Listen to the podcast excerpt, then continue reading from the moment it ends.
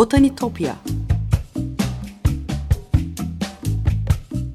Sesli Doğa Tarihi Müzesi Bitkiler aleminin tuhaf ve muhteşem dünyasını belgeleyen botanik sanatına dair her şey. Hazırlayan ve sunan Benan Kapucu.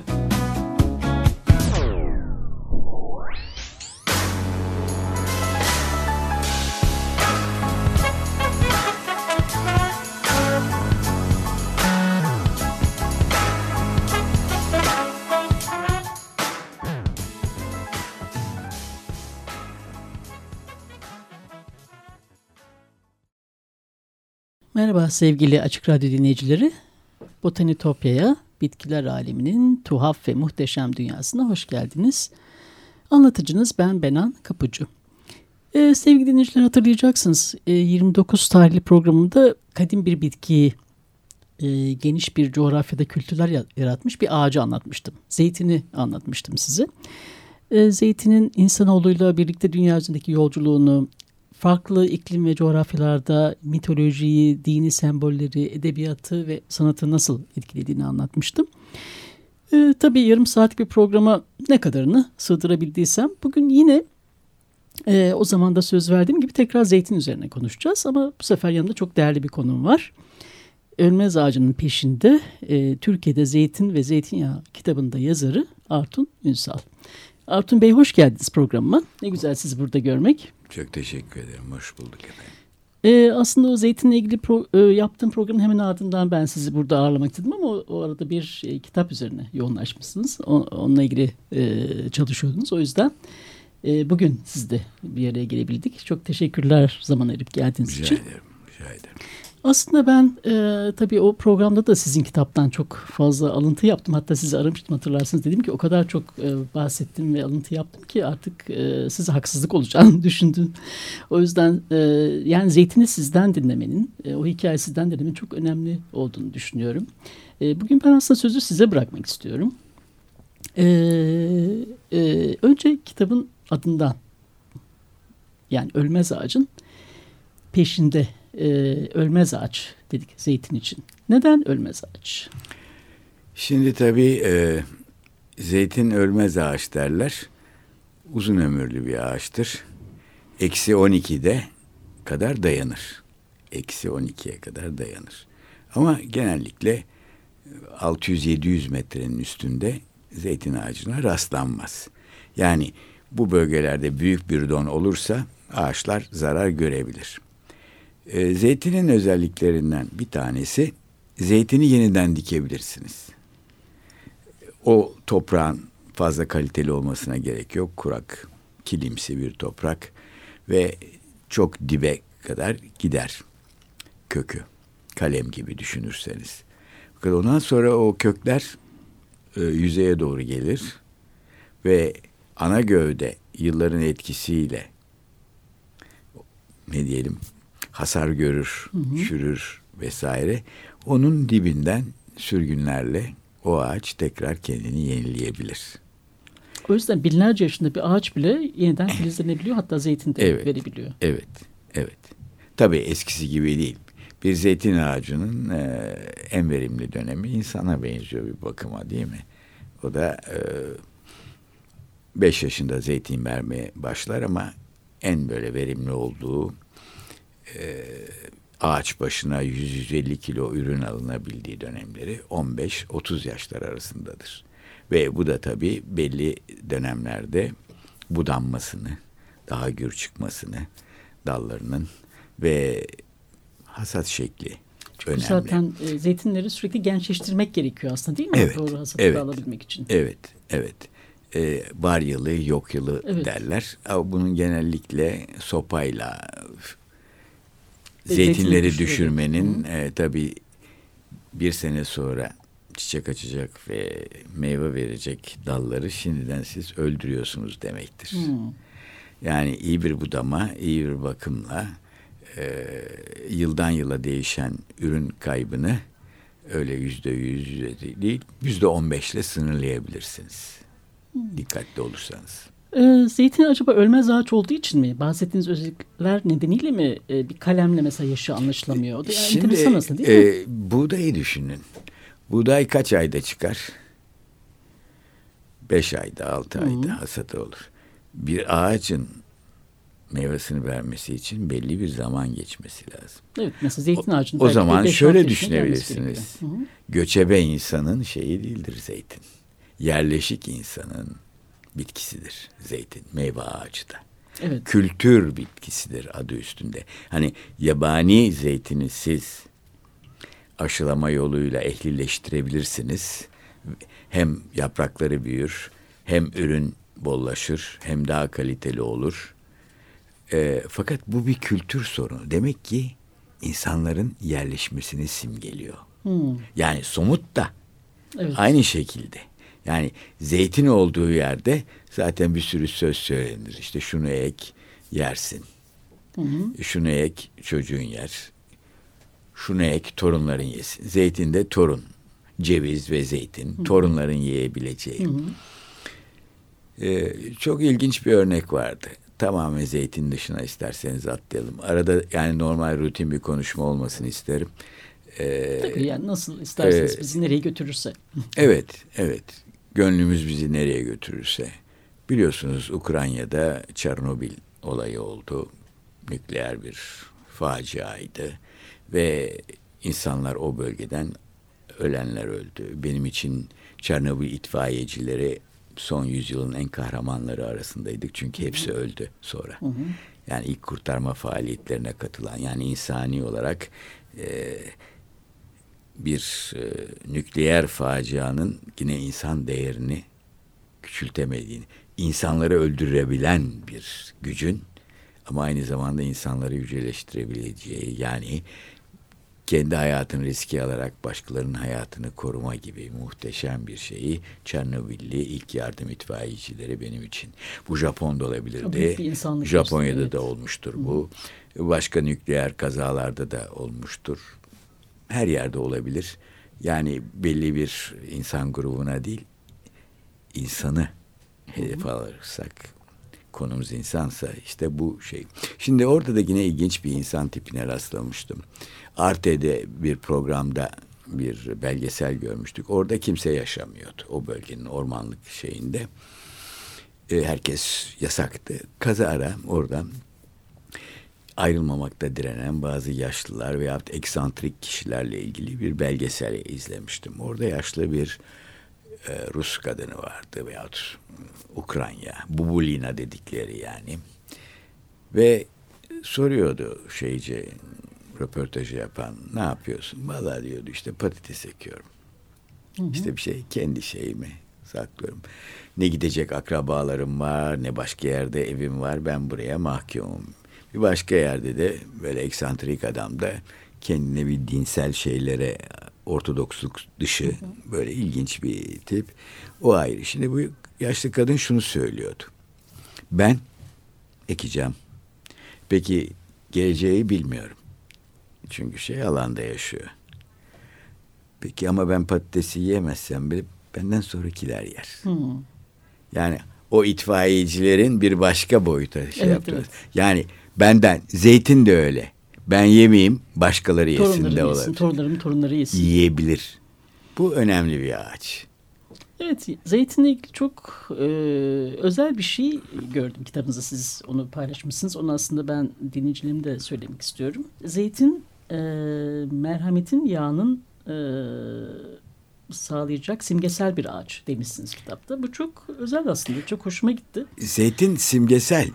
Özellikle merhamete ihtiyacımız olan şu günlerde hani zeytinin bu simgeselliği, yani merhem, merhameti ifade etmesi, merhem olması. Tabii e, çok yüzde özel yüz. değil mi aslında? Dilerseniz Barışı simgeliyor zeytin olması. aynı zamanda iktidarı da simgeler. Hmm. Belki İmparatorlar, merhametli krallar. iktidarı belki değil e, mi? yo. Sonra Ama- merhamete Aa, öyle mi? geleceğiz. Hmm, çok E, enteresan. mesela sizin e, taç giyme töreninizde muhakkak bir rahip veya şu başınızı zeytinyağı döker, saçlarınızı şey yapar, sizi kutsar. Hmm. Kristus Hmm, lafı da oradan gelmektedir. Yani kutsanmış, yağla kutsanmış. Christos, Kristus. Hmm. İsa peygamber. Ta İngiltere'de bu Orta Çağ'ın sonrası Yeni Çağ'da da Fransa kralları, İngiliz kralları daima zeytinyağıyla ilk taç giyme törenlerinde takdis edilirdi. Yani bunun bir sembolik anlamı var. İsterseniz ebedi bir ağaç olması, aynı zamanda kutsal bir ağaç olması ve kutsal ağacın meyvasının ama Kimi aynı zamanda, aynı zamanda zeytinyağı bir merhemdir. Hı hı. Cildinizi yumuşatır. Ee, yaranızı, berenizi tedavi eder. Ve aynı zamanda e, merhamet. Merhamet nasıl bir şey? Merhamet sevgi. Merhamet dikkat demek. Merhamet özen demek. Merhamet egodan sıyrılıp empati yapabilmek demek. Acımak değil, merhamet. Hani bir fakire acırsınız, bir fakire şeydi e, ilgi gösterebilirsiniz. Ama merhametli mesela Hinduizm'de de bazı bölümlerinde karıncaların üzerine basmamaya çalışan, farelere dokunmayan, onları kutsal sayan bir anlayış var. Tabii bizim e, kafamıza uymaz bu ama e, neticede bu merhamet ee, Aslında birçok kültürde de tanrıların, tanrıçaların zeytin ağacının gölgesinde doğmuş olmaları. Yani hem İskandinav kültüründe de var, İskandinavya'da da var, e, işte Roma'da da var. Aslında o şey değil mi? Ana kucağı olması, merhametli bir ağaç olması. Bununla da bağdaştırabiliriz herhalde. Aynı zamanda zeytin herhangi bir ağaç gibi değil. Aynı zamanda besler. Hı hı. Zeytin bitkisi besler. Zeytini, yağı ikisi de besleyicidir. Ee, insanlara odun olur, ısıtır. E, küspeleri kurutulur ve onu yakacak Hayır, olarak yakacak yararlı. olarak Hı-hı. kullanabilirsiniz. Yani çok yönlü şey yani insana içini temizlemesi dışında vesaire. Şifa olmasının dışında. Yani ama merhamet sözcüğü hoş. Merhamet burada e, kendi dışında da insanların ve canlıların sadece insanların değil canlıların var olduğu bitki de neticede canlı bir şeydir. Tabii ki. Bir hayvan da canlı bir şeydir. Yeninin artık bir böcek de bir böcek de bir can, evet. tabii tabii. Can olduğunu farkına evet, vardık. Yani. Tabii tabii. Bitkilerle konuşanlar var. Neticede merhamet budur. Yani kendinin dışındaki bir şeye. Ee, o yüzden zeytin ağacı gerçekten özel. Yani belki o yüzden bir duygusal bir bağ hissediyoruz zeytin ağacıyla aslında sizin de kökleriniz... Güzel bir ağaç Güzel işte. bir ağaç. Bir de çok da güzel değil mi? Yani o hmm, şeyin işte yaprakları, gövdesinin biçimi, kıvrımları çok ilham, yeşil, ilham her zaman ağaç. yeşil bir ağaç. Her zaman yeşil. Yenilendiği zaman bile yapraklar belli olmuyor. Yani yeni yapraklar kayıp yaprakların yerini, düşen yaprakların yerini toparlıyor. Asil bir ağaç, koyu yeşil, bir tarafı grimsi. Zeytinliğe zaten ilgi duyduğunuz andan itibaren sizin e, sanıyorum aile köklerinizden Yok, gelen de fazla var mı? yani Giritlilik var. Zeytinyağı kültürü var. Var mı çocukluğunuzda böyle ee, zeytin ağaçları? Yok. Hmm. Bende hiçbir kasabalık yok. Bir hmm. kırsallık yok. Ben daima hmm. İstanbul'da oturdum. Ankara'da oturdum. O kadar. Yurt dışında hmm. oturdum. Ee, Türkiye'de başka bir şehirde de oturmadım. Yurt dışının dışında. Ee, ben de ama İstanbul'da bile ben eski çocukluğumu hatırlıyorum. Eee Kartal'ı geçtikten sonra Pendik'e kadar zeytinlikti. Zeytinlikti, hmm. evet. Şimdi o sitelerin, o büyük apartmanların, deniz doğmalarının da zeytinlik. Acaba Rumlardan zeytinlik kalan. İstanbul'da diye düşünüyorum şu anda. Birkaç ağaç vardır belki. Çünkü İstanbul iklimi ile Gemlik iklimi arasında bir fark yoktur kuzey rüzgarlarına açıklık bakımından. Mesela İzmit'e trenle gidin. Tren yolunun soluna bakın İzmit'e giderken hala zeytin ağaçları vardır. Kimi ehli ağaçlar artık delicelere dönüşmüştür. Hmm, bakımsız yaban olmuş ve yani kimsenin ektiği yok ama hala bu taraftan sonra Yalova karşı tarafa geçerseniz öbür tarafta şeye kadar gider Çanakkale'ye kadar gider. Ama e, zeytinin e, şeyi e, insanlar zeytini hemen ekmemişler. Mesela bir sürü yerde mesela Erdek zeytinliktir. Hı hı. Mesela Akisar. Daha önce yani zeytinlik öncesi de bir yaşamları var o e, toprakların. Palamut. Hmm. Palamut ekiyorlar. Nedir? Veyahut büyütüyorlar, yetiştiriyorlar. Palamut aynı zamanda ordu için önemli. Dericilikte kullanılıyor palamutlar. Hmm. Anlatabiliyor muyum? Evet, Sadece evet. mobilyacılıkta evet. değil ağaç Meşe olarak da meşenin. Deriyi tabaklamakta ha, kullanıyorlar. Yani bu palamutlar. Ondan sonra zamanla palamutlar sökülüp veya palamut ağacının bir bölümü de tabii şey oluyor. Meşe ağacı, kömür maalesef hmm. büyütmüyoruz ağaçları kömür yapacağız diye. Yani büyük bir kırım oluyor. Ama zeytin olunca sahipleniyorsunuz. Malınız oluyor. Orman alanı değil sizin malınız.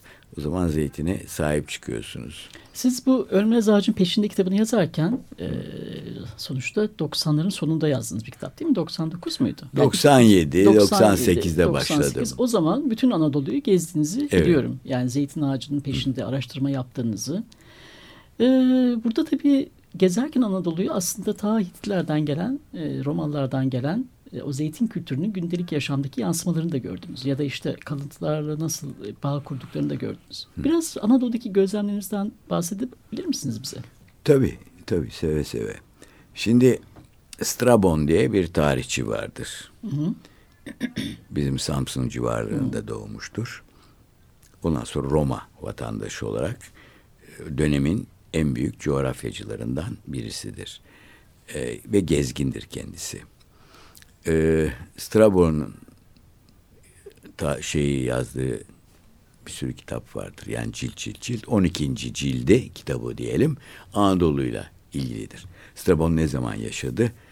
E, milattan öncenin son yıllarıyla milattan sonranın ilk yılları arasında. Yani tam 2000 yıllık bir şey var.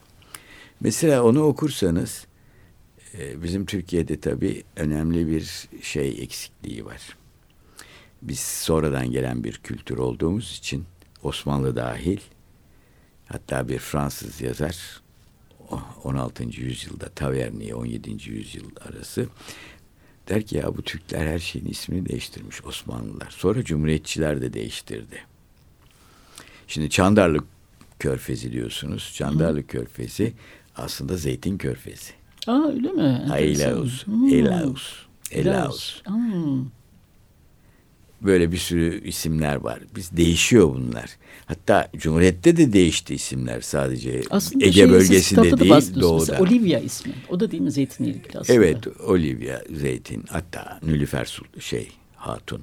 Hmm. Onu, Padişah o, şeyi eşi hmm, Olivia. Olivia. Hmm. Ee, benim için ilginç olan şey Afyon civarına gidersiniz. Afyon civarında Bolvedin'de filan zeytinlikler varmış Strabon'a kilometrelerce. Ve bunlar hep doğal ağaçlar. Bir de yani ekme ağaç var. Evet. Deliceler. Deliceler ve hı. ehlileştirilmiş. Hı. Çünkü zeytinin ehlileştirilmesi hı hı.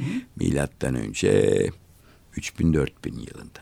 Zeytinin ilk ortaya çıkışı, orada bulunan eski zeytin örnekleri Ege adalarında falan 30 bin yıl. Belki Atlas dağlarında, Kuzey Afrika'da. Hı. Yani Cezayir ile Fas arasında Orada da zeytin ağaçları var. Çok eski şeyler bulunuyor. Eski e, şey demek 30 bin ama şöyle şunu da mutabık kalmamız gerekiyor. Bu da şu. En son buluntuya göre. En son buluntuya göre evet. Yani Mesela yeni bir arkeolojik buluntu, arkeobotanikçilerin ortaya çıkarabileceği veyahut aynı zamanda arkeologların çoğunun zeytinyağı teknolojisiyle de bilgisi yoktu uzun yıllar. İsrailler hmm. biraz öne çıkmıştı. Yani bir taş parçası görüyorsunuz ama bu neye yarıyor? Şarap sıkmaya mı? Zeytinyağına mı? Yoksa ikisine de oluyor mu? Ketene mi? Hmm. Bu mengene neye yarıyor bulunan şeylerde? Onu zamanla bir ihtisaslaşma oluyor. Ama bizde henüz bu çok yeni bir şey. Yani zeytin arkeolojisi ve zeytin teknolojisinin arkeolojik boyutları. Ama neticede bir de dikme var alıyorsunuz bir ağacı fidanını başka bir yere dikiyorsunuz. Mesela Karadeniz'in doğal bitkisi değildir. Evet Karadeniz'de yetişebilecek bir Ama ağaç. yetişiyor. Aslanlar gibi Ama yetiştiği zaman. Sinop'tan Artvin'de vardı. Sinop'tan Artvin'e kadar bütün hat boyunca hala bugün dahi zeytin Ama ağaçları görebilirsiniz. Sonra Artvin'de zeytin ağacı kalmadı. Onun. Kalmayacak. Ee, şeyi Çoruh Nehri'nin kenarlarında. Çünkü Akdeniz iklimi var orada. Ama bunlar dikmedir. Hı hı. Doğal evet. olanı Çanakkale'ye kadardır. Peki neredesi doğal? Güneyden gelsin gelsin Gaziantep, Urfa. Hı, evet. Urfa. Yani Urfa'ya gittiğiniz zaman Birecik'e nehrin kenarında zeytin ağaçları görebilirsiniz. Antakya'da Mesela bu Zögma dediğiniz hmm. yer sular altında kaldı baraj evet. şeyle. Orası zeytinlik eski. Ben kitabı yazarken oralara gittim daha Belkis diye bilinen evet. yerlere. Hı Orada eski atölyeler vardı. Sonra sular bastı orası. Caminin bir tek minaresi gözüküyor. Artık suyun altında. Rum Kale e, apayrı bir ada gibi oldu e, öbür tarafta. Mardin'de? E, Mardin'de zeytin vardır ama pek zeytin için ideal bir iklim yoktur Mardin'de. Yani Mardin civarında ben zeytin ağacına rastlamadım doğrusu. Yani hafızamı toparlıyorum. Zeytin ağacına rastlamadım. Zaten yüksekten 600 metreye iniyorsunuz ve belli bir iklim Akdeniz iklimi olması lazım. Gaziantep, Kilis, Akdeniz iklimi, Hatay, Akdeniz. Yani iç bölgesi de, karalık kısmı da Akdeniz şeyi. Ta Suriye'ye kadar Suriye'nin de içlerinde aynı şekilde. Ama Irak'ta zeytin göremezsiniz. Irak'ta hurma, palmiye vesaire. E Mardin'de o coğrafyada yani bir Mardin zeytini ben duymadım. Hatay zeytini hmm. duydum. Gittim, hmm. gördüm. Hmm çeşitleri, halhalı bilmem nesi, ufak zeytinleri ama Gaziantep'i biliyorum, Kilis'i biliyorum. Birecik'e kadar zeytin ağacı görüyorum. Yani şimdi sular altında kalınan yerde, barajların altında Atatürk Barajı'nın Halfeti vesaire oralarda zeytin ağaçları hala var. Sonra ondan sonra şey giriyor birazcık e, fıstık ağaçları giriyor. Aslında bu kadar zeytin iç içe olmamıza rağmen yani kültürümüz e, zeytinle hemhal ol, olmuş olmasına rağmen aslında kıymeti yeni yeni anlamaya başladı. Tabii tabii öyle zeytin. Yani son 10 yılın belki Şimdi, hikayesi bu e, aslında. E, zeytini geç, Türklerin zeytinle imtihanı geçtir. Osmanlı'nın da öyledir. Hı hı. Niye diyeceksiniz? Biz daha çok yağ, tereyağı, yoğurt, süt, peynir ve etçi bir toplumuz. Zeytinin yani e, Osmanlı'ya gelişi daha çok zeytinyağı alımları çok sınırlıdır. Çok sınırlıdır. E, aydınlanmada kullanılır. Camileri aydınlatmada, büyük kandillerde kullanılır zeytinyağı, sabunda kullanılır. Hı hı. Kandil, yani kan, zeytinyağını günlük şeyinde kullananların belki susam yağı bile daha popülerdi. Daha çok adalıların yani Ege adalarından hmm. gelenlerin İzmir civarına yerleşmesiyle başlar. Ya yani 19. yüzyıldan itibaren siz kitabınızda da bahsetmiştiniz. Orhan Gazi ile e, Yalova vesaire evet, oralar. Evet, kızı Olivera arasındaki aşktan bahçelerdeki zeytinden bahsettik. Tamam Aslında mı? Zeytin var zeytin ama var sofranızda ama yok. Sofranızda belki siyah zeytin olarak var ama zeytinyağı olarak sürüveni hele İstanbul gibi bir yerde dahi oldukça genç. İstanbul Rumlar bile hmm. bir kere Nideli Rumların zeytinyağını bilmediğini söyleyebiliriz. Çünkü zeytinyağı yok orada. İstanbul Rumlar ve Nidelilerin çoğu zeytinyağı tüccarıdır. Un kapanında, yağ kapanında vesaire. Ticareti onlar yapar. Pastırmalar, şunlar, bunlar. Geç keşfediyoruz. Ama Ege köylüsü bugün öğrenmiştir. Daha da komiği yörükler. Yani dağlarda yaşayanlar, hayvancılık yapanlar, Orta Asya kökenli olanlarımız, bunun Sünnisi de, Alevisi de, tahtacısı da, yörüğü de. Zeytini çok geç keşfeder. Balığı çok geç keşfeder. Klasik sebzeleri ge geç. Ama Anadolu'da zaten geride 4000 yıllık bir geçmiş var zeytinin.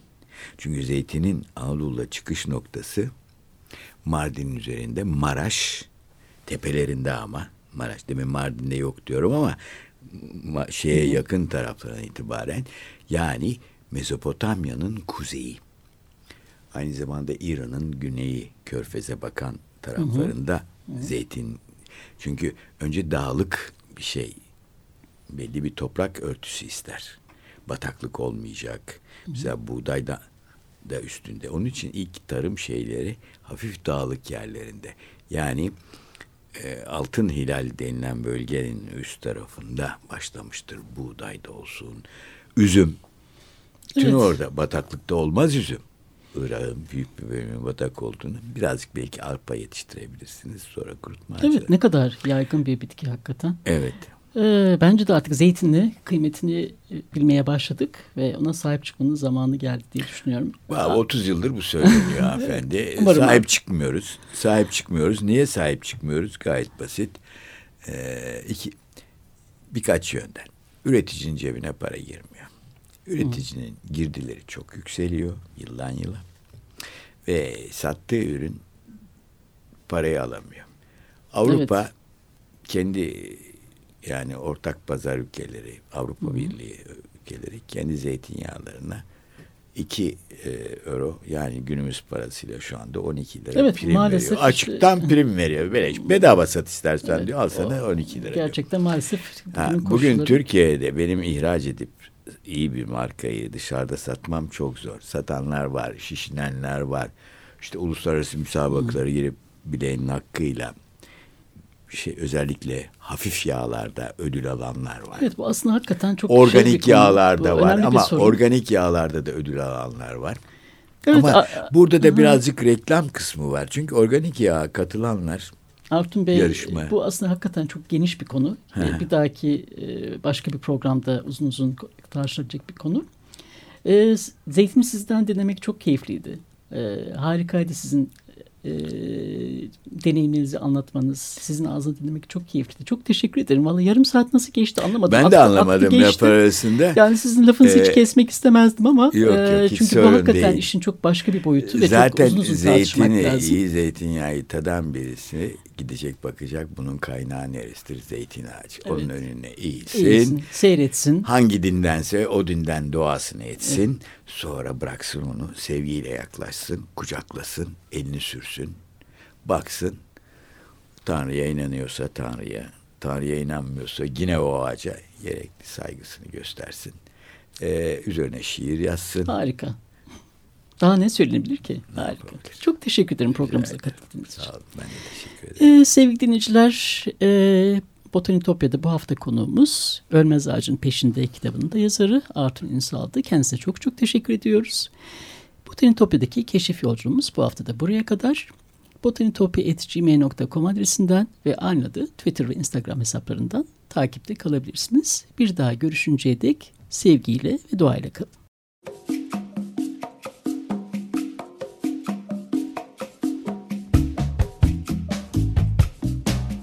Botanitopya.